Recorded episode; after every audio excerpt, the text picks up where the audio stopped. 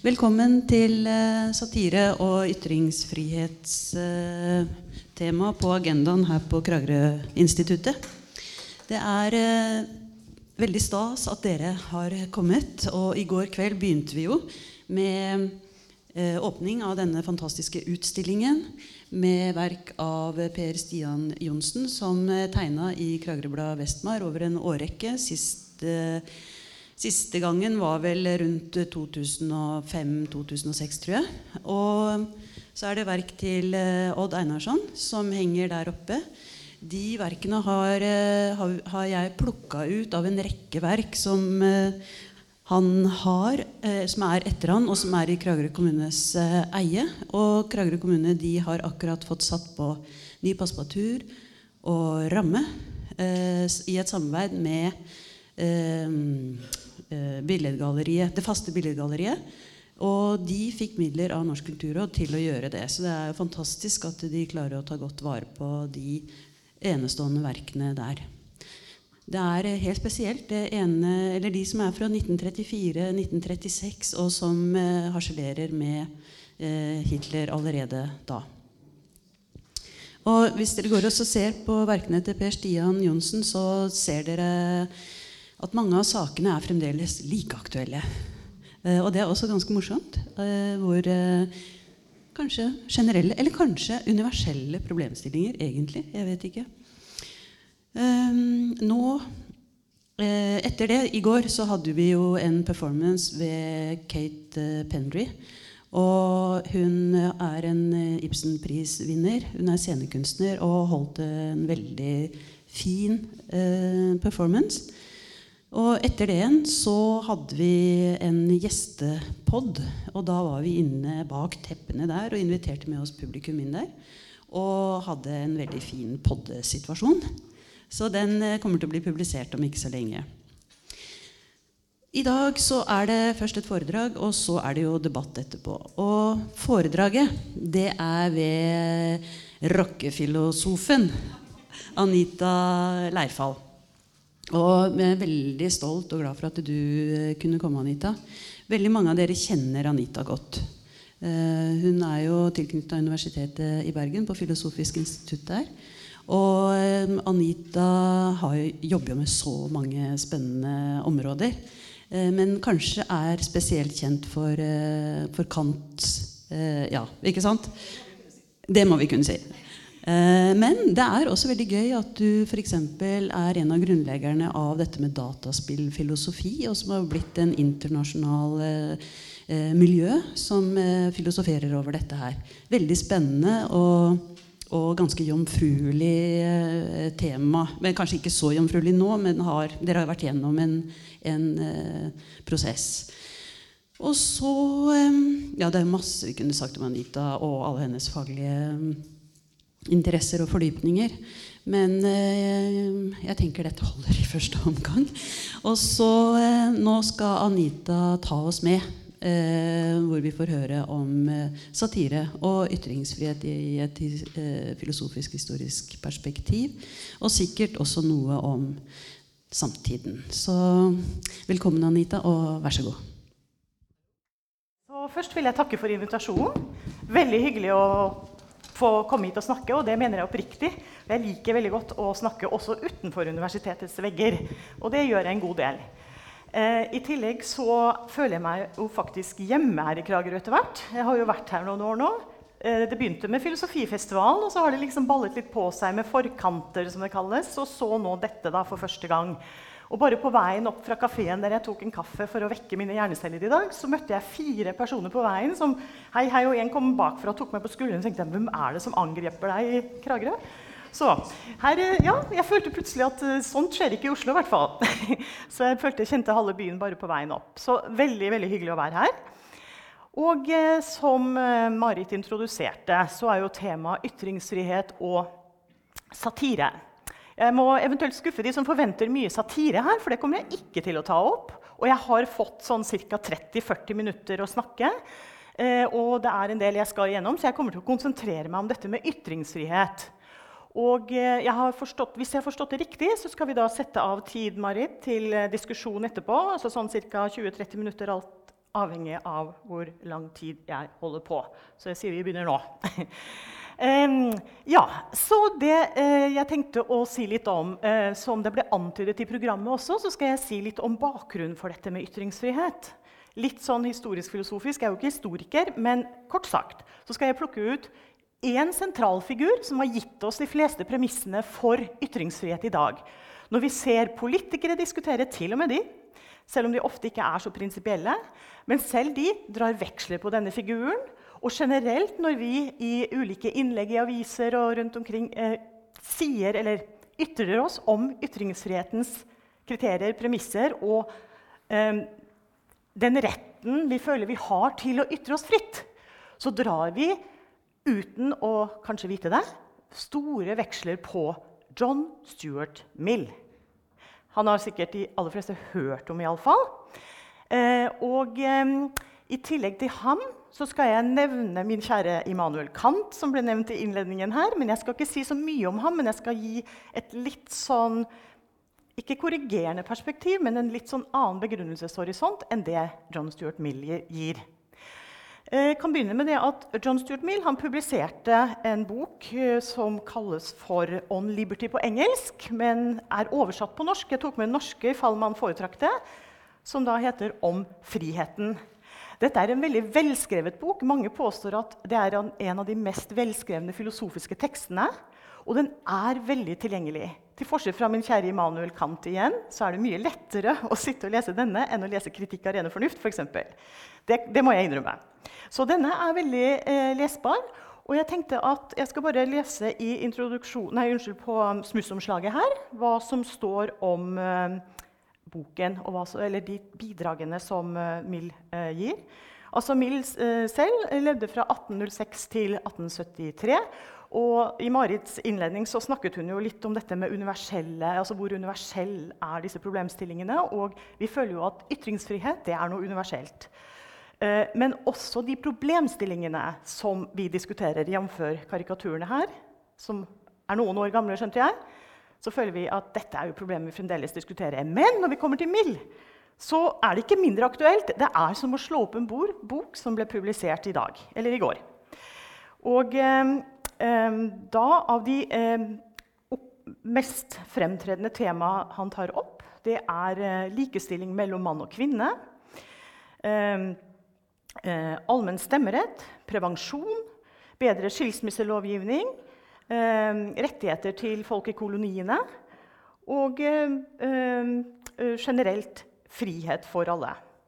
Og dette viser at han er veldig konkret. altså ting er at han er filosof og tar opp abstrakte ideer, selvsagt, men han er veldig konkret med henblikk på hvordan han forankrer dette. Og det er kanskje en del som kjenner til at han først i 20 år kjente en dame som het Harriet Taylor. Men så ble de etter hvert gift og sammen. Og samarbeidet også. Så de var ikke bare ektefeller, men de samarbeidet også faglig. Og eh, for de som måtte ha lest denne boken, eller kommer til å gjøre det, så vil de si, se at Mill tilskriver Harriet Taylor store bidrag til utviklingen av hans tanker. Eh, det er jo selvfølgelig litt diskusjon hvor mye og lite, og så videre, men det er ingen tvil om at hun øvet innflytelse over hans tenkning. Og ikke minst dette med rettigheter. For jeg skal komme litt inn på, bli litt filosofisk etter hvert og komme litt inn på selve sånn begrunnelsen til Mill også. Og vise at det er et problem med den type teori han forfekter når det gjelder å sikre rettigheter allment for alle, men også da selvfølgelig for kvinner som en gruppe av alle mulige. Så det første jeg tenkte å gjøre, var å begynne med utgangspunktet vårt, nemlig ytringsfrihet. Ok, Det består av to ord ytring og frihet. Hva er en ytring? Det vet vi jo. Ja, det vet vi vel, men vi må legge visse skranker inn i hva en ytring er. For det første så ytrer vi oss overfor hverandre for når vi står opp om morgenen. og Hvis man bor sammen med noen, så hilser man kanskje mer eller mindre grettent alt etter hvilken morgenfugl man er. Og tar dusjen sin og mumler noe om kaffe kanskje osv. Det er jo ytringer. Men det er ikke slike ytringer vi tenker på. Og det har ikke bare med at de er mellom noen som kjenner hverandre, og innenfor husets fire vegger, men det har med det hovedpunktet, nemlig at det er private ytringer. Så det første kriteriet vi må tilfredsstille, er at ytringene er offentlige. Og en del av dere husker kanskje Det har ikke vært så oppe i det siste, selv om jeg ikke er veldig aktiv Facebook-bruker. Men jeg husker på Facebook for en 3, 4, 5, 6 Tiden går. 36 år siden så var det en del diskusjon om ytringer i Facebook-grupper eksempel, var offentlige ytringer. Og det ble en del diskusjon frem og tilbake, for jussen har ikke spesifisert disse reglene ned til slike partikulære fora. Så der må det bli utøve juristskjønnet i forhold til de mer allmenne reglene vi har. Så det som ble sagt der, var at vi må kanskje sette en tallgrense. Hvis gruppen er så og så stor, så er det offentlige ytringer. Jeg må innrømme at jeg, jeg, vet ikke helt hva den endelige konklusjonen var, men det var helt klart at konklusjonen var at er gruppen tilstrekkelig stor, og jeg har ikke noe tall her og nå, så er det offentlige ytringer. Så det vi må huske på, hvert fall er at ytrings, når vi snakker om ytringsfrihet, så må ytringene være offentlige. I en eller annen forstand. Eh, to, de må være påstander. En, det er ikke en ytring hvis jeg sier er det 100 000 mennesker i Kragerø? spørsmålstegn. Så et spørsmål er ikke en ytring. Og det ser dere, ikke sant? Fordi Vi kan ikke si ja eller nei til det. Vi kan ikke si jeg er enig eller uenig. Ja, nei, jeg er enig med deg, Anita. Jo, du kan selvfølgelig si at det er 100 000 mennesker i Kragerø. Men ytringen i og for seg er ikke en påstand. Så det må være ytringer i indikativ form. som vi sier. Altså, De må påstå noe som vi kan si er sanne eller usanne. når det gjelder disse påstandene. Det var bare sånn kort om innledningen. Eh, selve begrepet ytring, hva det står for. Eh, men så kommer vi til dette frihetsbegrepet. Altså, vi har ytring, og så har vi frihet. Og der er det en lang tradisjon. Dere, som dere hørte, Vi har denne figuren John Stuart Mill, som lever på 1800-tallet stort sett. ikke sant? Eh, Fram til nesten slutten av 1800-tallet. Eh, men før det så har vi jo f.eks. Immanuel Kant, som levde fra 1724 til 1804. Og Kant er en av de som formulerer det følgende at vi alle har en eneste medfødt rettighet. For dette med medfødte rettigheter det er problematisk og kontroversielt. Men han sier vi kan si at vi har én medfødt rettighet, og det er retten til frihet. Og hvorfor Kant det fra? For vi har alltid noen som kan krangle på slike påstander og si jaha, ja, har vi nå medfødt rett til frihet? Kinesere tenker ikke sånn, for eksempel, eller kinesiske kulturen har aldri hatt et slikt prinsipp. Vi tenker at dette er universelt. Ikke bare tenker hver av oss at det er universelt, men vi har nedfelt det i menneskerettighetserklæringen. Alle har rett til frihet, og Kant sier at den er medfødt. Og hvorfor sier han at den er medfødt? Jo, for han sier at ethvert menneske har en absolutt verdi. Gjennom denne absolutte verdien så er vi ukrenkelige. Hva vil det si? Ukrenkeligheten går på at vår verdi, hver især som individer, kan ikke krenkes på den måten at vi gjøres som midler, enten for andres formål Altså rene midler. Jeg blir jo brukt som middel av Marit nå når jeg snakker. Men hun forhåpentlig respekterer menneskeligheten min, altså min verdighet som menneske. Jeg får pauser, jeg får lov å gå på toalettet. Jeg, altså Visse grunnleggende ting som vi ser f.eks. brudd på arbeidsmiljølover i kanskje ikke så mye i Norge i den grad, men i andre land. Barnearbeid, f.eks. Hvorfor sier vi at det bør vi ikke ha?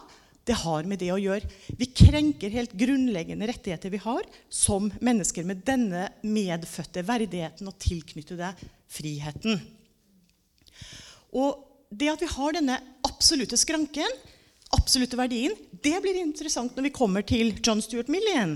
For John Stuart Mill, hvis vi nå bare holder det at Kant var den første da, som formulerte dette med frihetsrettigheter, at ytringsfriheten Han snakker ikke spesifikt om ytringsfrihet, men han snakker om at vi har medfødt rett til frihet. Og det ligger sånn som en, en slags grovstruktur, eller en mer generell struktur som ligger til grunn for at vi etter hvert får spesifikasjoner som da i sin tur gir menneskerettighetserklæringen. Frihetsrettighetene de er eh, i utgangspunktet, som jeg sa, retten til å ikke krenkes som individ. Men det er også da retten til ytring, retten til frie handlinger, og etter hvert innen kontraktteorien, som Kant også begynner, men som utvikles via Locke og Mill og Hobbes og flere forskjellige figurer i filosofien, så har vi også rett til eiendom. Og de fleste er klar over at da vi fikk den norske grunnloven i 1814, så var et av kriteriene at du hadde stemmerett hvis du også hadde eiendom. Dette kjenner vi tilbake til gresk tenkning. Når vi leser Aristoteles og Platon, så ser vi at det var bare frie atenske borgere som var en del av det atenske demokratiet. Så selv om det var demokrati, så var det et begrenset demokrati med rettighetshavere innenfor det atenske samfunnet. Så der kan vi snakke om at majoriteten hadde stemmerett. og slike prinsipper vi har knyttet til demokrati, Men eh, vi ser at selv i Norge, om det ikke var like begrenset som det var i Aten med dette med frie atenske borgere, så var det det at vi måtte ha eiendomsrett. Så for de som kjenner litt til kontraktteori og liberal historie, så vet de at dette er sentrale ting. Altså eiendomsretten. Og fordi den bidrar til å gi oss frihet. ikke sant? Da er vi, Har jeg eiendom, så er jeg fri fra en eier, eier en som eier gard og grunn. For sånn som Leilendingene var jo ufrie i Norge fordi de var avhengig av bonden. Strandsitterne på kysten så Leilendingene i Innlandet var strandsittere på kysten. De var igjen da avhengig av den som hadde eiendom osv. Og, så og da er du alltid under et åk. Da har du ikke en uinnskrenket makt over ditt eget liv. Så Det er grunnen. Det er ikke fordi vi skal karre til oss rikdom og ja, jeg har, jeg har penger og makt og eiendom, ergo så har jeg rettigheter. Nei, det er fordi du er fristilt. Sånn kort fortalt. Ok, Så når vi da ser på denne grunnleggende rettigheten som, som Kant egentlig formulerer sterkest, altså dette med at vi har denne medfødte friheten som oss, gir oss absolutt verdi og gjør oss ukrenkelige, dvs. Si vi kan ikke brukes som midler for andres formål eller andre formål, så um, er det grunnlaget for det han kaller altså tilbake til Kant igjen, autonomi, altså selvråderett. Vi har selvråderett i vårt eget etisk-moralske hus. Så det vil si at vi har f.eks. en rettighet til å stå opp mot en overmakt ut fra vår samvittighet. Og det nærmeste vi kommer en konkretisering av det når det gjelder hva vi kaller det, det er sivil ulydighet. Og det ser vi jo noen eksempler på etter hvert. Sivil ulydighet har bare én rettighetsbegrunnelse. For det første min frihet. For det andre min frihet til å lytte til min samvittighet. Og når jeg lytter til min samvittighet, så kan jeg benytte den som grunnlag. Det er der jeg har den legitime skranken inne for å benytte den mot et maktapparat jeg egentlig skal følge reglene til. Som f.eks. For, for oss og den norske grunnloven. Og selvfølgelig lovene utover Grunnloven. Men den er jo lex superior. Den er jo i bunnen av alle andre lover. Hvis det blir krangel mellom lovene, for å si det enkelt. Så det betyr at vi, hvis vi bruker denne samvittigheten på en god måte, så kan vi stå opp mot overmakt. Og det gjør vi ut fra denne medfødte friheten, denne absolutte verdien vi har. For den overtrumfer jo til og med partikulære maktsystemer. Det samfunnet vi er en del av. Ok, Hvis vi nå holder den innsikten hos Kant, at han har et sterkt begrep om frihet, altså vi har en slik positiv frihet til å gi oss selv moralske lover, og vi er derigjennom autonome, altså selvlovgivende, altså vi har råderett i eget etisk-moralske hus, det er grunnlaget. Men så går vi nå som dere hørte da, sånn innover i neste århundre, der Kant dør, men så kommer da Mill inn. Mill kjenner jo til Kant, men Mill er ikke pliktetiker som Kant. Han, hva vil det si? Jeg skal ikke ha en lang historie om det her, men altså det betyr at han begrunner f.eks. frihet og rettigheter og ytringer som vi nå snakker om, og som jeg kommer tilbake til, på en annen måte enn Kant gjør. Kant snakket om denne medfødte friheten som har med oss som mennesker som sådan å gjøre som jeg sa. Mill snakker om at nei, vi har ikke medfødte frihetsrettigheter. Han begrunner ytringsfriheten, og som jeg sier, han gir de mest avgjørende premissene for ytringsfrihet slik vi ikke bare kjenner eller oppfatter det, slik vi går rundt og snakker. Ubevisst så snakker vi. Hvis dere leser Mill, så vil dere se Oi sann! Ja, det er jo sånn vi tenker og begrunner dette. Så han er i stor grad internalisert kan vi si, i måten vi tenker og snakker om ytringsfrihet på også i dag. Og som dere hørte sånn kort, noen, mange av temaene også like, unnskyld, var like aktuelle da som de er nå. Men iallfall Det eh, John Stuart Mill gjør, til forskjell fra Kant, det er å begrunne eh, vår ytringsfrihet i det såkalte nytteprinsippet. Så han er utilitarist, altså nytteetiker. Han er ikke den første, for den som grunnla nytteetikken, var Jeremy Bentham. Og han har dere kanskje hørt om. Jeremy Bentham var en jurist. Så han utrolig produktivt. Jeg tenkte jeg skulle få full oversikt over uh, produksjonen til Jeremy Bentham. Og etter 70 000 sider så tenker du at jeg får ikke helt kontroll. Så han var ekstremt produktiv. Og det gjorde han in juss. Men han er jo ikke kjent for det. Så hva skjedde? Jo, han levde på 1800-tallet i England. England har jo alltid vært et klassesamfunn. Det var det også da. Med stor forskjell mellom fattig og rik. Det var ekstremt mye fattigdom, og dette plaget John Stuart Mill.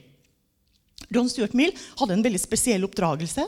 Faren tenkte at du skal bli den neste store nytteetikeren etter Jeremy Bentham, som liksom er nytteetikkens far. da.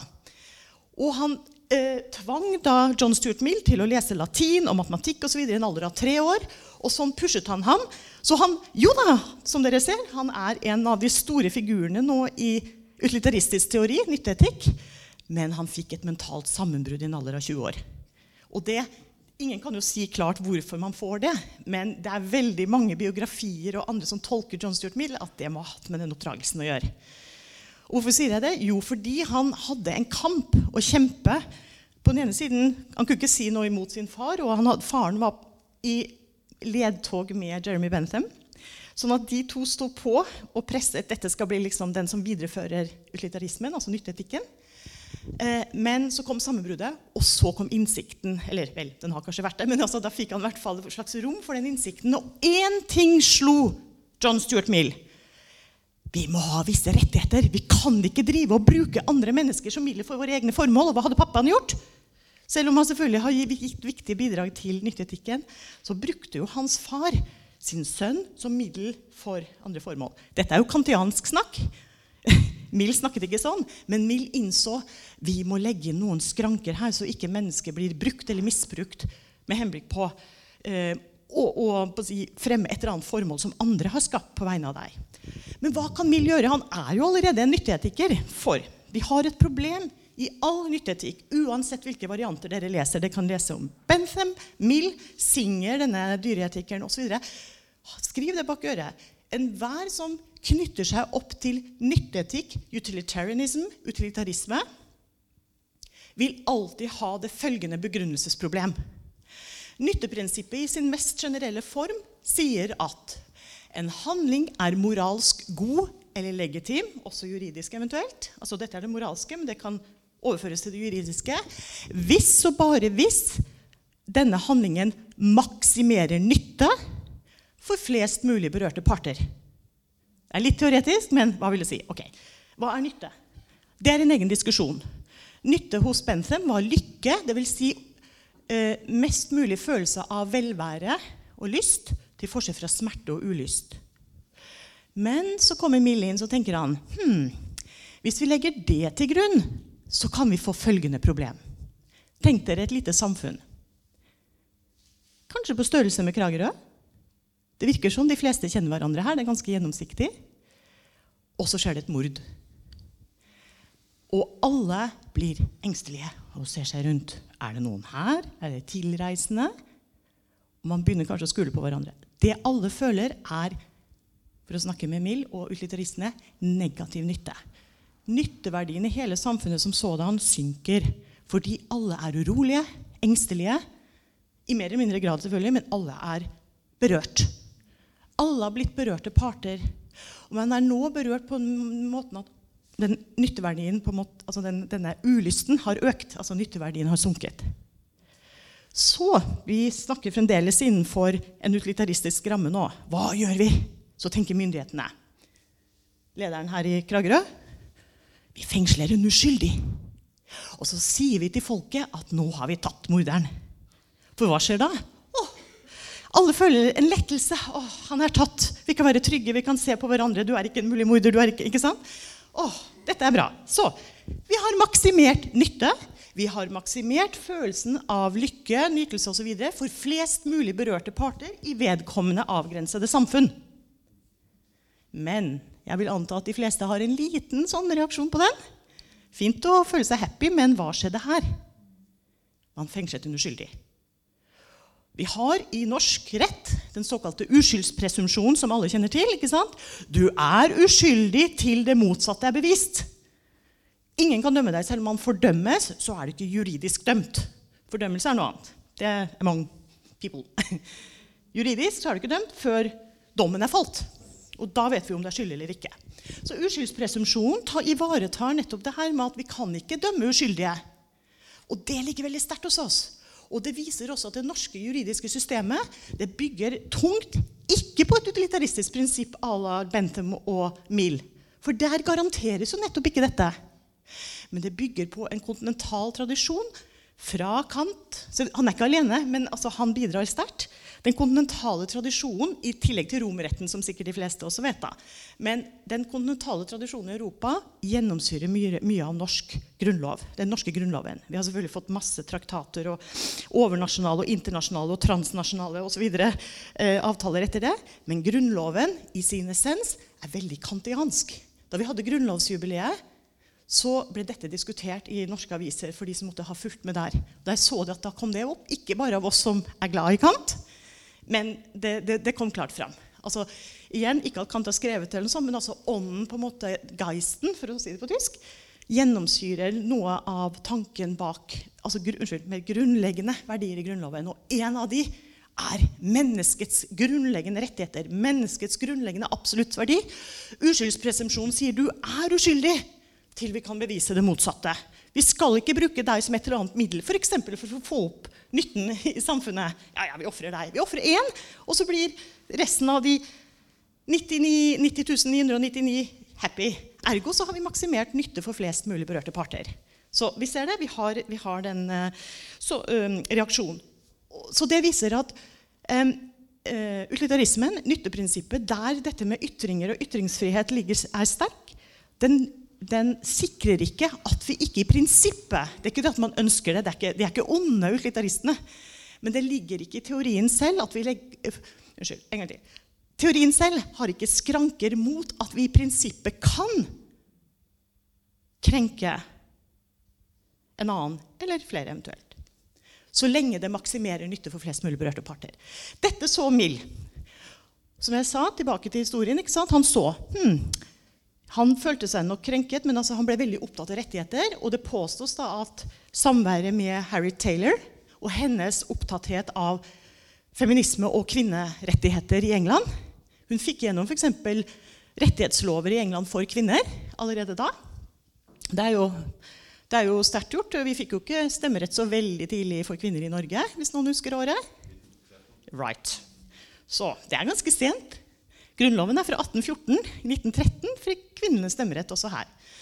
Så eh, Det Mill forsøker å gjøre, da er, eh, i forbindelse med dette at vi har ytringsfrihet, da har vi også visse rettigheter, det er å garantere, nei, unnskyld, å innføre en såkalt regelutilitarisme. Vil si, han sier at vi kan ikke være en sånn handlingsutlytter i la Bentham, for da får vi den situasjonen som med denne morderen. Men vi kan utvikle en ny form for utilitarisme, nytteetikk, som går på at hvis vi introduserer regelen om at vi sikrer visse grunnleggende rettigheter for mennesket, så vil den regelen veie tyngre i et nyttebudsjett. Dvs. Si, tilbake til den landsbyen med morderen.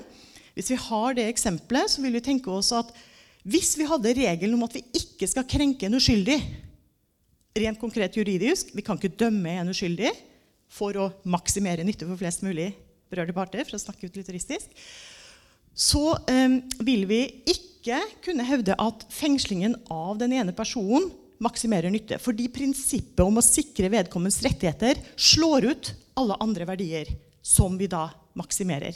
Det er litt sånn, Utilitarismen er litt matematisk. rett og slett. Du kan sitte og lage sånne beslutningsskjema med verdier, positiv og negativ nytte.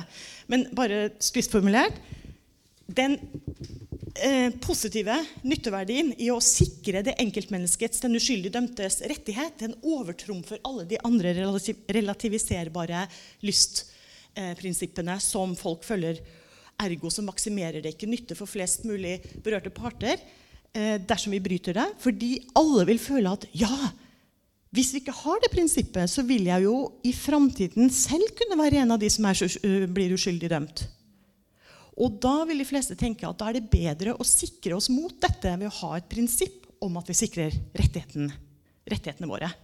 Så vi har et slikt rettighetsprinsipp. Og da får det større kraft, men da på sikt.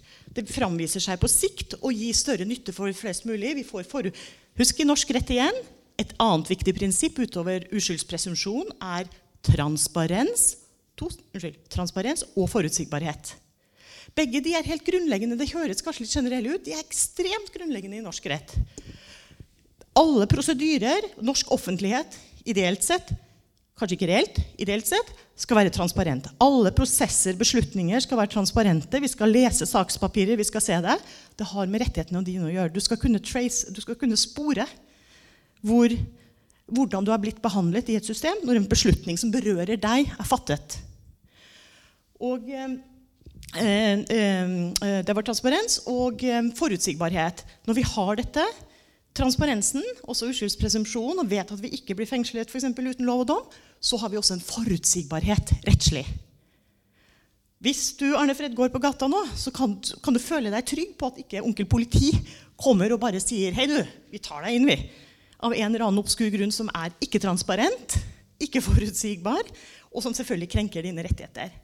Så dette er veldig sånn gjennomsyret. Så det, det er gode prinsipper også i nytteetikken men som vi så, i hvert fall hos Bentham, så var det jo muligheter her for, selv om man ikke har ond vilje, å krenke dette. Nå, som sagt så forsøker da Mill å rette på det ved å innføre prinsippet om at vi sikrer i hvert fall grunnleggende rettigheter. Det vi senere kaller menneskerettigheter, men også retten til fritt å ytre seg, som vi snakker om her. Eh, men vi har jeg bruker å si til studentene nå har vi fått en løsning på et problem. Men så følger det ofte en liten nisse med på lasset. Jeg merker at Mine studenter på 1820 vet ikke hva 'nissen med på lasset' betyr. Men jeg syns det er et veldig godt uttrykk. Så jeg bruker å si nå skal jeg forklare dere på to setninger hva at nissen følger med på lasset vil si. Vi har løst et problem, men det var noe i det opprinnelige problemet som ikke ble løst. Så vi fikk løst deler av problemet, men så fulgte det en liten nisse med på lasset som sitter der og dirrer. da. Vi har ikke løst det. Og det har ikke John Stuart Mill gjort heller, fordi han er nytteetiker. Så dette rettighetsprinsippet han introduserer, det er ikke sterkere enn at det viser seg på sikt å maksimere nytte for flest mulig parter. Det er ikke sterkere binding, verken moralsk eller juridisk, enn det. Så det er noe av problemet som f.eks. en tenker som Kant eller pliktetikere i tradisjonen fra Kant ville tenke. Her må vi forsøke å sikre disse frihetsrettighetene. Ytringsfrihet, retten til å ikke dømmes uten lov og dom osv. Altså det som er nedfelt i våre rettighetsprinsipper, bør forankres på en annen måte enn i det utilitaristiske prinsipp. Vel, det er jo ikke alle, retter, alle rettssystemer enig i. Verken det britiske eller det amerikanske følger det, men det norske systemet følger dette i stor grad. Så øh, med andre ord øh, Ytringsfriheten er da en sånn undergren av dette med disse frihetsrettighetene. Men vi ser nå at hos Kant så er dette et veldig sterkt prinsipp som er medfødt, ukrenkelig, absolutt osv., som jeg har forsøkt å beskrive. Mens det hos Mill bare er en frihet til å ytre seg så lenge dette maksimerer nytte for flest mulig berørte parter. som vi har sett. Selv om man sier at i den forbindelse så vil vi også da sikre rettigheter. Men hvorfor tenker Mill utover rene menneskerettigheter og kvinners rettigheter, som jeg har vært inne på, at vi bør ha ytringsfrihet. On liberty, altså om frihet. Altså friheten den er ikke bare om ytringsfrihet, det er om hans frihetsbegrep. Men et av underbegrepene i det frihetsbegrepet er jo friheten til å ytre seg. Ytringsfrihet, som vi holder på med. Og eh, hvorfor vil Mill at vi skal ha denne ytringsfriheten? Fordi alle ser kanskje at dette med likhet mellom kvinne og mann det ser man som opplagt. Men hva, hva, som jeg sier, vi skal ikke reise langt unna vestlige liberale stater før vi finner at ytringsfrihet Why is that an ideal? Hvorfor, hvorfor, hvorfor, skal, vi, hvorfor skal, vi, holde på med å, å, å, ha ytringsfrihet som en sånn viktig norm som vi bør følge? Mildt svar og det ligger i bunnen av mye av det vi også tenker i dag, selv om vi ikke sier det helt eksplisitt, det er at han sier at hvis flest mulig mennesker får ytret seg i et samfunn, så vil vi etter hvert komme fram til en større sannhet. Og da er det ikke liksom sannhet med stor S et eller annet sted borti der, men vi vil alle få bedre innsikt i de temaene vi diskuterer.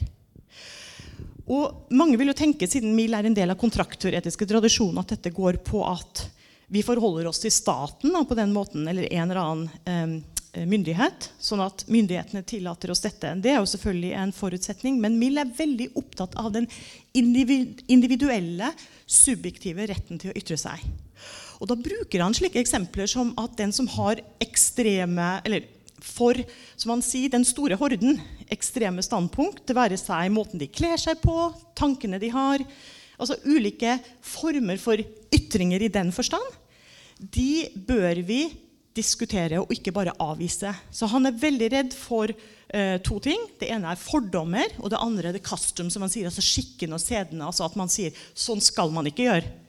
Så har man ikke noe videre begrunnelse annet enn at vi ser jo alle veldig sånn pene og pyntelige ut. Du kan ikke gå i den der eh, grilla buksen med altså, Når folk begynner å gjøre noe ganske radikalt i forhold til normen, så reagerer de fleste. Og da sier Mill dette skal vi ha en åpenhet overfor. For det betyr at vedkommende viser sin autonomi. Vedkommende viser at 'jeg tenker selv'. Autonomi var jo selvtenkning. ikke sant? Det å gi seg selv lover. Så vedkommende gir et sterkt uttrykk her for at jeg tenker selv. Jeg viser det f.eks. gjennom måten jeg kler meg på, måten jeg tenker på, måten jeg snakker på, eh, de institusjonene jeg besøker eller ikke besøker, eh, mine seksuelle preferanser. Altså, det er en rekke ting vi kan liste opp her som Mill mener Han sier ikke 'ja, da er vi enige med deg', men da skal du også ytre deg vis-à-vis vedkommende. Og han sier at selv om vedkommende kanskje ikke nødvendigvis har det riktige svaret, så vil en diskusjon, altså en ytring med vedkommende, øh, for flest mulig, da, på sikt få alle til å få økt innsikt. Så Spissformulert så vil Mill si noe sånt som at Dess mer vi ytrer oss fritt overfor hverandre, dess mer innsikt får vi. Dess nærmere en sannhet om fenomener kommer vi. Men så har vi jo et eh, Det er Mills ideal. Normativt. Men så er jo spørsmålet er det slik. Skal vi gå tilbake til Facebook igjen, da? Der er det mye ytringer, gitt. Forsøksvis.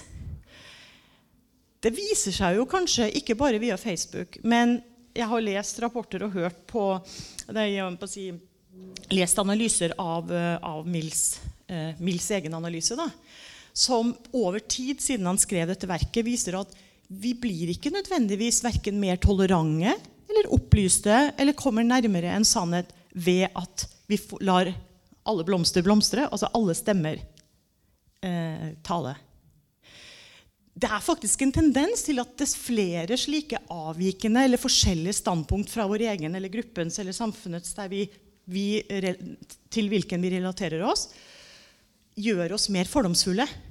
Gjør oss mindre tolerante overfor den, andres meninger.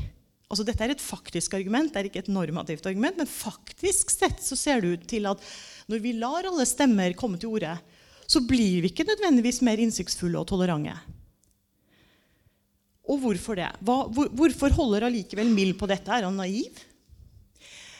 Mill, da er det litt kontekst. Fordi, eh, nå har jeg snakket litt om prinsippene, men Mill sier også en kontekst jeg har vist nå, det er jo at uh, si, småmumlingen og, og, sånn på badet og hva man gjør på privaten, det har ikke noe med ytringsfrihet å gjøre på, uh, i, i, denne sammenhengen. Det må være ytringer som har en eller annen offentlig forbindelse. Men offentlig, som vi sa da, altså Facebook er jo etter hvert blitt et offentlig rom. Det er såpass stort og omfattende at det er ingen tvil om at det er et offentlig rom med offentlige ytringer. Eh, men kontekst her vil ikke bare si selve rommet, antall mennesker, men det vil også si noe, unnskyld, det har også noe med hva man ønsker å oppnå. Altså hva er formålet med at man diskuterer? Og jeg har slutta Jeg gjorde det en gang, og da kom det alle mulige beskyldninger om at du er høyre og venstre. og Jeg vet ikke, jeg hadde vel alle farger, tror jeg, utifra fordi jeg tenker selv. Så, så, jeg er ikke plasserbar. Og Anine Kierulf har sagt lignende ting i intervjuer også. Sorry, pal. Jeg, jeg, ja, kanskje et av argumentene mine kan plasseres ikke, ikke, sånn helt ytterst på noen flanker, men altså, kanskje sånn mer sånn liberal-konservativ. Andre er mer radikale. Fordi hvis du tenker selv, så går du på tvers av det som allerede er markert opp som sånne konvensjonelle grenser for tanken. Så, og, og, er sikkert bare vi som gjør det, men altså man, man, kjenner seg kanskje litt igjen i det. Og det som er dumt, da, det er jo at man trekker seg unna og ikke diskuterer og ikke får fram disse meningene, fordi her har man et ønske om innsikt. Så spissformulert, som sikkert ikke er ukjent for de fleste her, det er jo at debatter i anførselstegn, sier jeg da, på f.eks. Facebook eller i mange av disse offentlige fora hvor alle stemmer får komme til. Uredigert, ikke sensurert, men uredigert, kan vi kanskje si. de eh, ser ikke ut til å ha som formål at du og jeg skal komme til større innsikt om det temaet vi diskuterer. Det er veldig ofte om å gjøre å vise at jeg vinner debatten over deg. Jeg er flinkere, sterkere eller kan punche mer på, sånn at du til slutt enten gir deg eller framstår som den svakere. Og da er vi inn på et tema som har opptatt meg, som jeg ikke skal gå inn på, men bare nevner. Temaet om bullshit. Det er et teknisk tema. Jeg snakket om det på Filosofifestivalen. Det er et teknisk tema. Filosofen eh, Harry Frankfurt skrev en bok i 1986 on bullshit. Det var bare en liten essay. Den finnes nå på norsk om bullshit. De bruker bullshit-begrepet fordi han legger noe spesielt teknisk i det. Det er ikke bare skitprat, som nordmenn sier. Ja, men vi har ordet skitprat. Fordi bullshit her viser til det følgende. Når du hevder en ytring og bullshitter, så er du ikke opptatt av innholdet i budskapet og komme fram til større innsikt, verken selv eller overfor andre. Men du har et sidemotivasjon, nemlig å framstå i et bestemt lys. Som sterkere, flottere altså Det som må være ditt formål. Så Budskapet og dets innhold er bare et middel for noe du selv er ute etter å fremme på vegne av deg selv.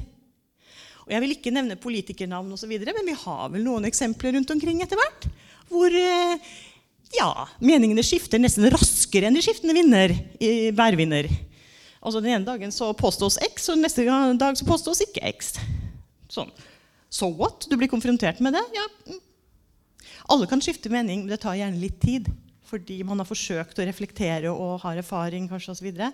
Men når du vender kappen etter vinden sånn, opportunistisk, da kommer det jo klart frem.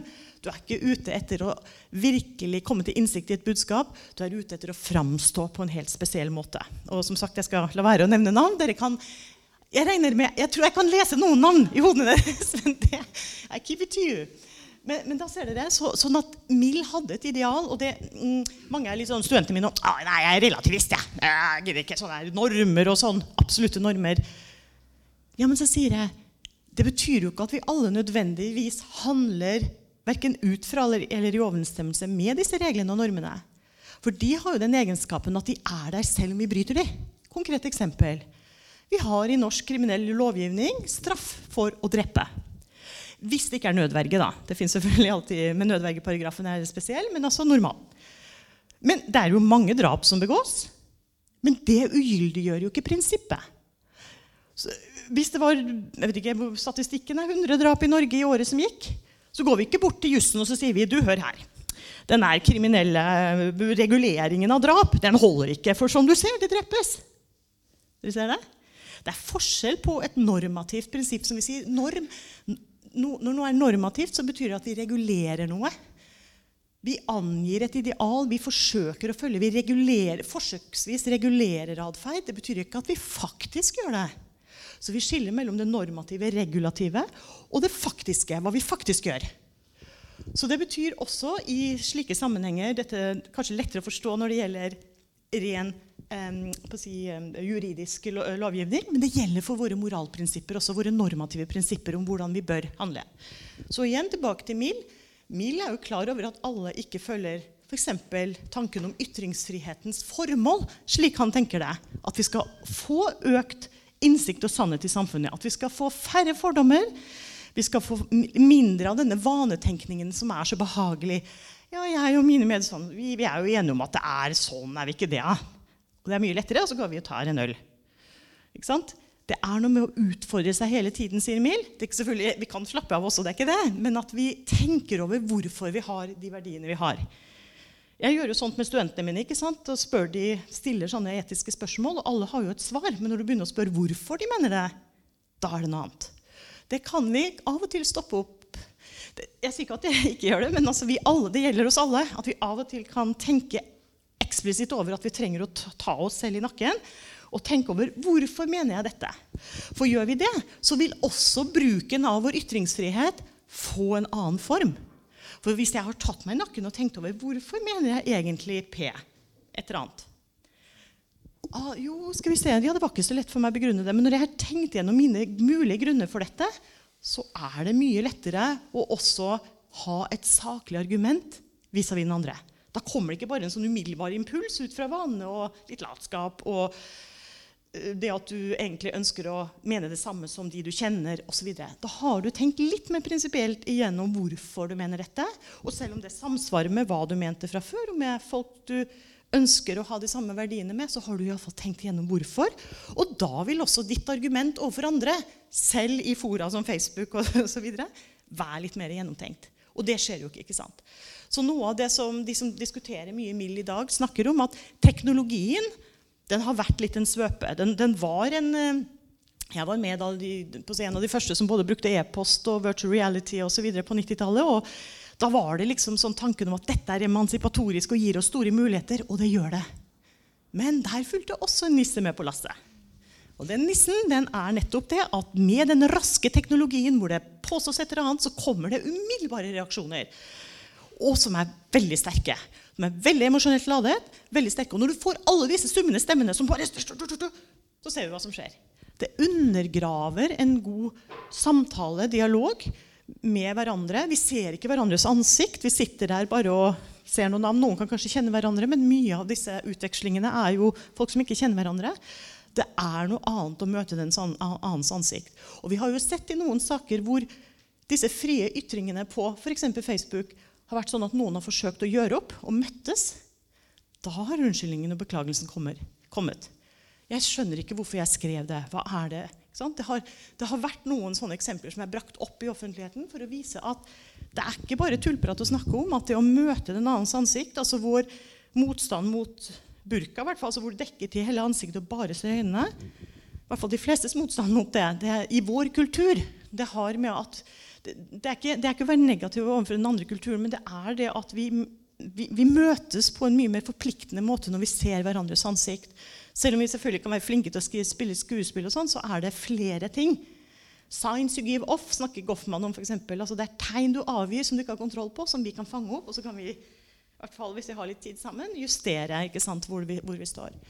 Så teknologien har eh, bidratt til å øke mulighetene for både bullshit og ikke-saklige ytringer, altså bruk av vår ytringsfrihet på den måten f.eks.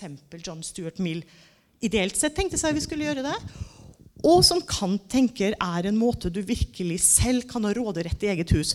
Du har ikke råderett i eget hus, sier Kant, hvis du bare er emosjonelt hvis du påstår et eller annet, og så kommer jeg bare sånn emosjonelt og sier noe. Det gjør jeg ikke, for jeg er ikke, jeg er ikke sånn. Jeg har, jeg trenger å tenke gjennom ting. Jeg, så da er jeg jo senere, Men da, kommer, da, har jo debatten gått, og kanskje de er inne på et nytt tema. ikke sant? Fordi trenger en, man trenger litt langsomhet. Men da sier Kant at den måten du er autonom på, og er herre i eget normative hus, da, altså det etiske, eh, moralske, men også de juridiske systemene der de fungerer, så vil du ha det på en helt annen måte hvis du tar tak i de oppfatningene og meningene du har og konfronterer deg selv før du konfronterer den andre. Det er så lett å begynne med å konfrontere den andre. Konfrontere seg selv, that's our job. Det er det for oss alle. Jeg står ikke her som noen sånn moralsk predikant. Det er det for oss alle. Og som vi sier i filosofien, som allerede Sokrates sa Sannheten og innsikter er Vel, han brukte ikke det begrepet, men jeg oversetter det til moderne ferskvare. Det som jeg sier til studentene mine, Dere kan ikke komme på den forelesningen her og ikke yte noe selv. I den forstand at dere bare sitter og ser på telefonen eller gjør noe annet. Eller, eller ikke leser, og eller ikke leser. Det er som å gå på gymmen, og så står du og ser på vektene, og så ja, ja, Jeg har vært på gymmen, da. Så går jeg. Vært på forelesning, ja. Har kjøpt boka. Hvor kjedelig blir ikke det etter 6, 7, 8, 9, 10 uker i løpet av semesteret? Går du på gymmen for 25. gang? Du har ikke rørt en muskel. Du har ikke utvikla deg i hele tatt. Det er dønn kjedelig, og du ser ikke meningen med dette. Hjernen er også en muskel på den måten. Den må aktiveres. Og våre tanker, forestillinger, verdier osv. er ferskvare. Derfor så kranglet Sokrates med sofistene og han sa dere tror dere eier sannheten, og dere selger den. sier han. Dere tar betaling for å fortelle hva som er sant og ikke sant. Disse ytringene gir ikke noen noe fordi man må alltid kjempe for sannheten. Altså Ikke sannhet med stor S, men man må alltid tilkjempe seg sine oppfatninger. Oppfatningene er velbegrunnet når vi kjemper for dem, når vi går igjennom dem og tenker på hvorfor tenker jeg dette. Og det gjelder oss alle uansett bakgrunn, uansett uh, alder osv. Det prinsippet gjelder universelt. Om man ikke er enig i ytringsfrihetens idealer i alle samfunn i verden, selv om vi tenker at menneskerettighetene er universelle. Men det vet vi jo etter hvert. Ikke alle underskriver på.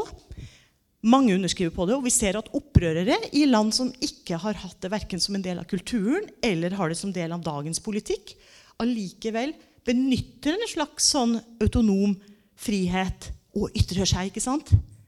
i form av ulike typer av sivil ulydighet. Et av de nyligste eksemplene kan være opprøret i Hongkong. Hongkongerne, Jeg har vært mye i Hongkong. Altså, de er jo annerledes enn Kina, fordi de har jo vært denne enklaven ikke sant, som har vært under England. Men kinesiske myndigheter som dere vet, vil jo ha kontroll også i kulturen og og, og, og, hvordan politikken og verdiene kort sagt skapes. Men der yter de den motstanden. Altså de er jo, selv om de bor i Hongkong og det er mange utlendinger der, så er det jo mange kinesere der, så de har jo den kulturen. Men de har ervervet seg en sånn innsikt, eller iallfall tenker at jeg har en type frihet her. Hvor jeg kan ytre meg, jeg har utdanning, jeg, jeg lever i en by hvor det er en stor grad av ytringsfrihet. Og den vil vi beholde. Vi ser at det er en verdi vis-à-vis Fastlandskina. Altså nå bare gjengir jeg, jeg tar ikke stilling, jeg bare gjengir at det har vært hovedargumentene deres for det opprøret. de opptøyene. Hva som skjedde videre med litt sånn vold, så jeg går ikke inn på det, men altså motivasjonen til de aller fleste i hvert fall i utgangspunktet var, var det.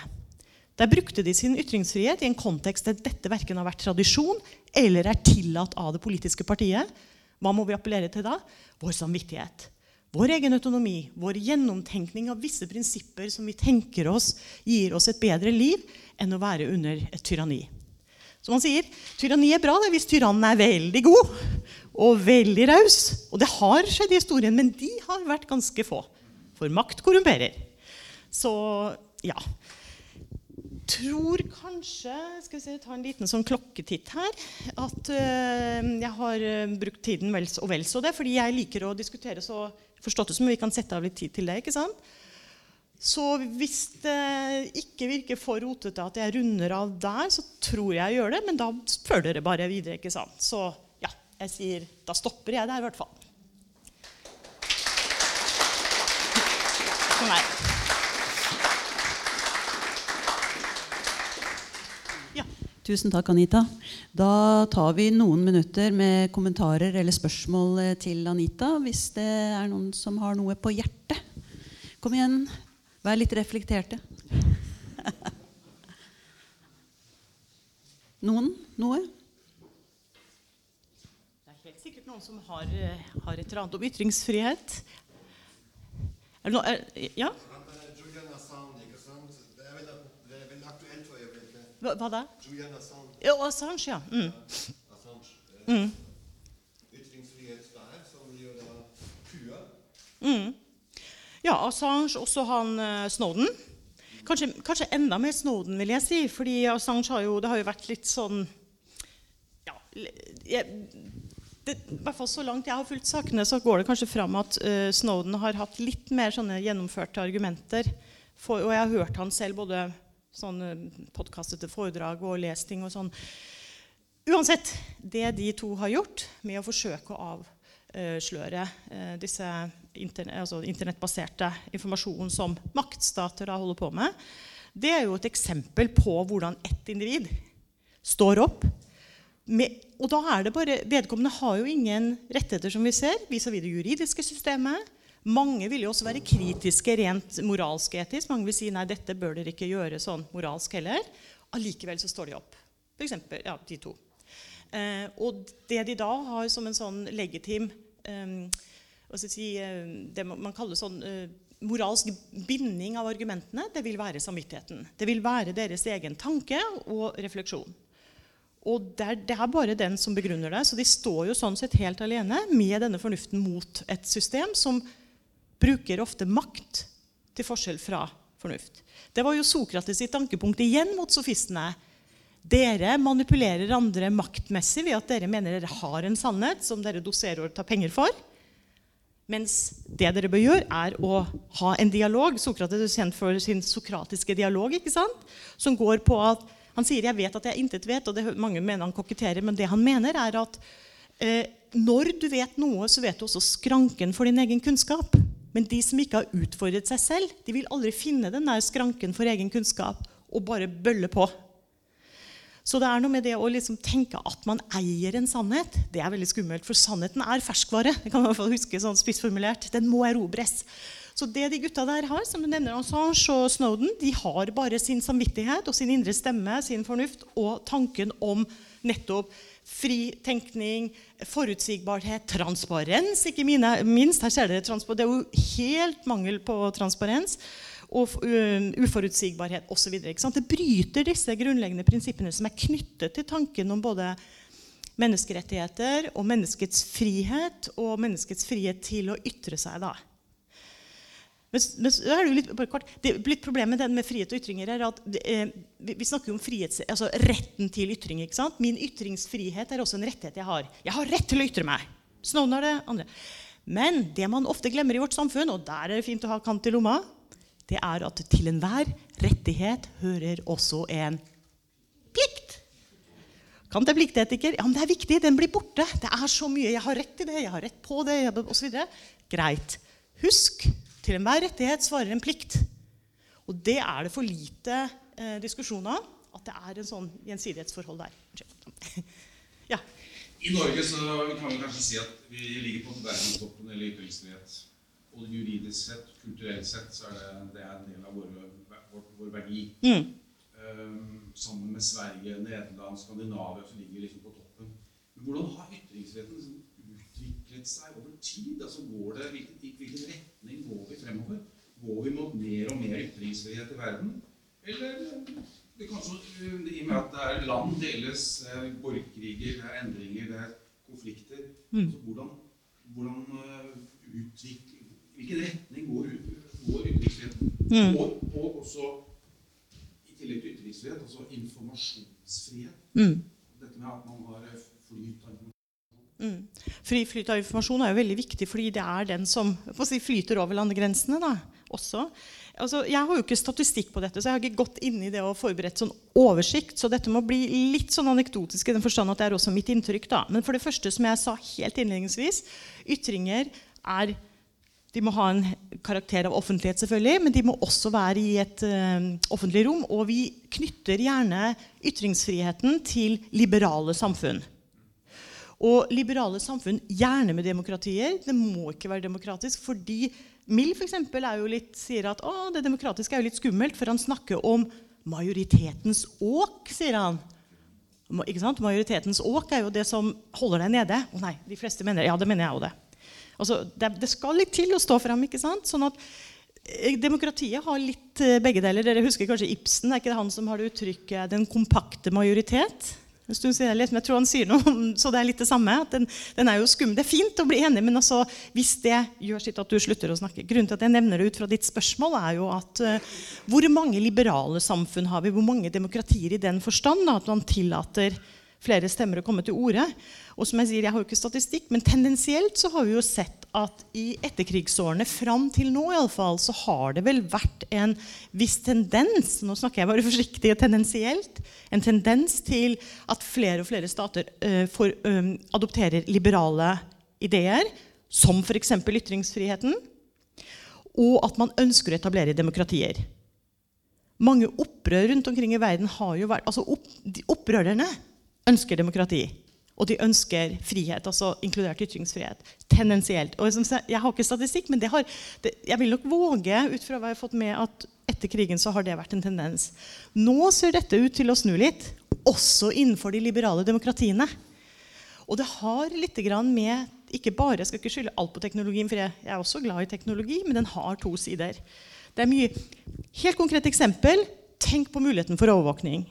Norge hvis vi tar Norge igjen, er jo et av de samfunnene i verden som også har mest online alt vi gjør, nesten. Og vi skal snart kvitte oss med alle kontanter. Og eh, vel, da vil alt vi gjør, kunne spores. Og så stoler vi på myndighetene. Ja, men jeg gjør jo ikke noe galt. Kjøper meg bare en flaske vin i ny og ne, og så reiser jeg til Kragerø, de ser jo det, og ja, alt er greit. Men dette kan fort snus og brukes mot deg. ikke sant? Kina har jo dette prikkesystemet som dere kanskje har hørt om. Det er jo helt, Bare for å ta det ekstreme. Eh, altså Fastlandskina, da, hvor de eh, Alle får et sånt prikkesystem ut fra hvor godt du oppfører deg sosialt. Så, og da er det sånn at Hvis du for har kjøpt for mye alkohol en periode, så får du negative prikker, altså får prikker på den negative delen av budsjettet. Og så får du positive prikker hvor du stort sett gjør det myndighetene mener. Så myndighetene sitter med en totalkontroll og har prikksystem slik man har når man har sertifikat og, og gjør overtredelser. Og full kontroll med deg. Og så så jeg noe intervju med unge, helt unge mennesker. Oh, this is fun! It's like a game! Så de tar det som det vi, eh, eh, vi kaller for the gamification of reality. Altså, altså, du gjør virkeligheten til en slags sånn spillverden. Så ikke for oss uh, som har vært i andre virkeligheter, men når du vokser opp altså, sant, Mine studenter de har aldri levd uten Internett. Det har jeg. Og dere. Mange av dere. og, sant, så vi, vi, kjenner noen andre virkeligheter. Men i tilfellet her så ikke bare at de vokste opp med nettet allerede, men veldig mange av de spiller dataspill og er in the game mind. Uh, hvor, hvor, veldig mye av det, uh, det, Vi snakker veldig mye om forholdet nemlig mellom den virkelige virkeligheten og spillvirkeligheten. Hvordan vi gamifiserer Dårlig norsk, da. Ja. Gamification of reality. Altså vi, spill, vi spill, spillinfiserer. Takk. Vi spillinfiserer virkeligheten. Sånn at De unge da, de mister på en måte denne kritiske sansen og tenker wow, I'm part of the game. Og, og jeg ønsker å vinne det gamet. Ergo så gjør jeg ikke så mye galt. For jeg får flere positive prikker hvis jeg gjør det og det. Så det er jo en veldig subtil måte å manipulere frie sinn til å handle slik myndighetene vil. da. Det var et ekstremt eksempel. Men som, som, jeg sa, jeg har jo ikke noe gode data på det. for jeg holder ikke på med det, Men tendensielt så er det mitt inntrykk. Det har vært en Utvikling i retning av økt liberalisme, økt fokus på ytringsfrihet og demokrati rundt omkring i verden, hvor demokratiene selvfølgelig får litt forskjellig form. Men jeg ser nå en såkalt repressiv tendens. Tendens til at vi via, i stor grad iallfall, teknologien kan komme til å stramme det frihetsgrepet. Ytringsfrihetsgrepet Eh, tankene om de frie, åpne, transparente, forutsigbare demokratiene. Det, vi, har, vi, er ikke der ennå, altså, selvfølgelig. Vi har jo, vi har jo lovverk osv. Men jeg ser tendensielt at vi må snart begynne å tenke på skal, hvilke, um, hvilke motinstanser vi kan utvikle for å hindre dette. En av de første i Norge som var inne på dette med datajus, var jo Jon Bing. Jeg møtte han mens han levde. En utrolig spennende fyr. Veldig åpen, sånn open-minded. Så for seg slike muligheter. og det det syns jeg vi har snakket for lite om i det offentlige rommet, i hvert fall i Norge senere, den senere tid. For som du sier, vi føler jo at Og det gjør vi jo hittil. Lever i et av de mest åpne og transparente demokratiene i verden. Mange vil jo si mer enn Sverige også. men Det er jo noens mening. Men, men iallfall. Nord-Europa har jo utpreget seg sånn sett. Og USA må man jo kunne si, da, selv om de har en annen konstitusjon og annen juss. Men uh, men eh, det er eh, ting som skjer nå med, med denne økte online-styringen eh, av virkeligheten. Og dere kjenner jo til det at man legger jo inn mer og mer sporingsmuligheter i våre telefoner, dataskjermer, eh, TV-skjermer. Vi vet ikke hva som er lagt inn der av mikrofoner. Altså, Jeg er ikke paranoid. Jeg har alltid vært sånn, ja, men jeg har jo ingenting å skjule. Men jeg kjente folk i Forsvaret for, eh, si, som for 10-20 år siden snakket om det. Og jeg tenkte gud, så paranoide de blir av å være der. Men nå skjønner jeg de har kanskje lært noen ting gjennom det de har, altså utdanning og erfaring. Og eh, jeg må innrømme jeg setter en lapp foran uh, kamera på min PC-skjerm. Ikke fordi jeg har noe å skjule, men når jeg kommer litt sånn grimete og skal begynne å jobbe om morgenen, så vil jeg helst sitte der uten å sikre meg. Da. Men dette blir jo mer og mer subtilt. Ikke sant? Det var lettere tidligere. Jeg var på Stasi-museet i Berlin nylig.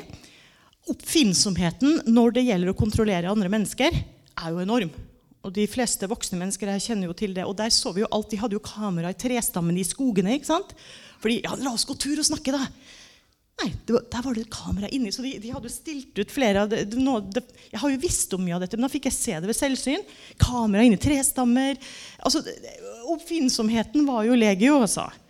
Og tenk deg nå med kraften i teknologien vår, og vi alle er Vi går jo med den telefonen omtrent eh, glimt på nesen hele tiden.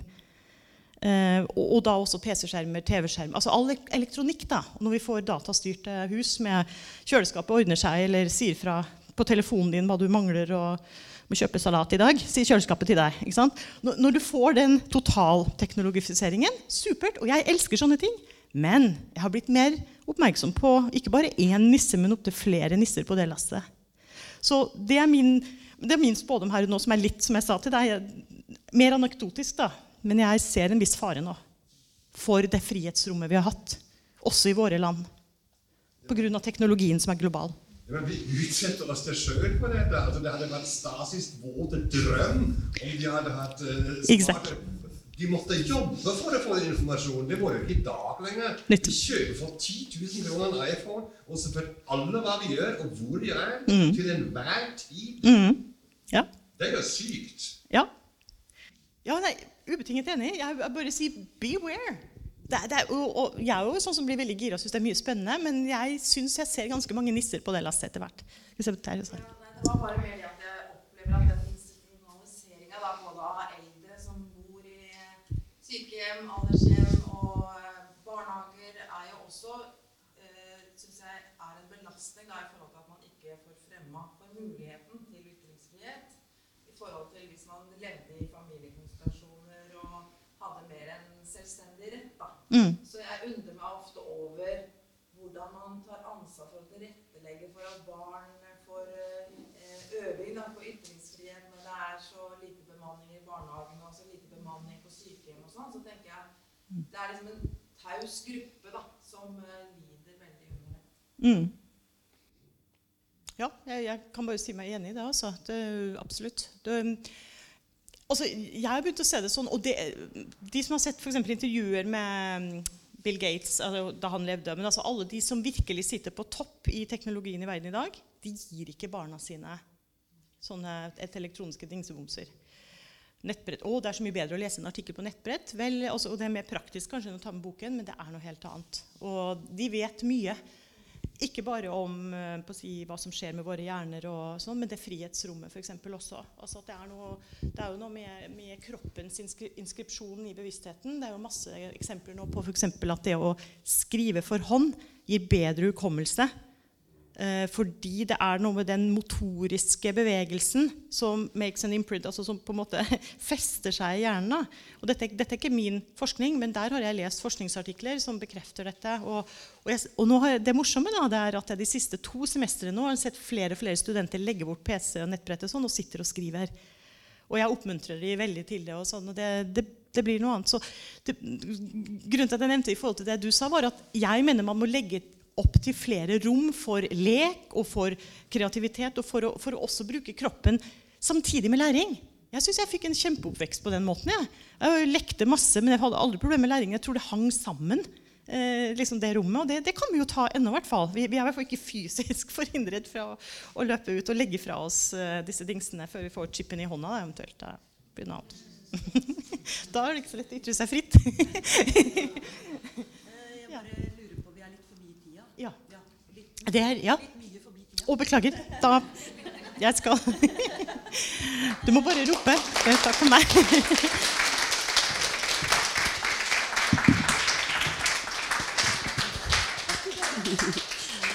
Ja, Anita, tusen hjertelig takk. Det var eh, som vanlig veldig interessant. Og du skal ha med en liten sånn eh, liten, litt, liten gave for eh, innsatsen. Ja, da eh, Nå skal vi jo ha, straks ha en debatt, og eh, jeg håper Anita, at du blir eh, videre. Og jeg er helt sikker på at du kan komme med innsiktsfulle, gode kommentarer underveis i den debatten også.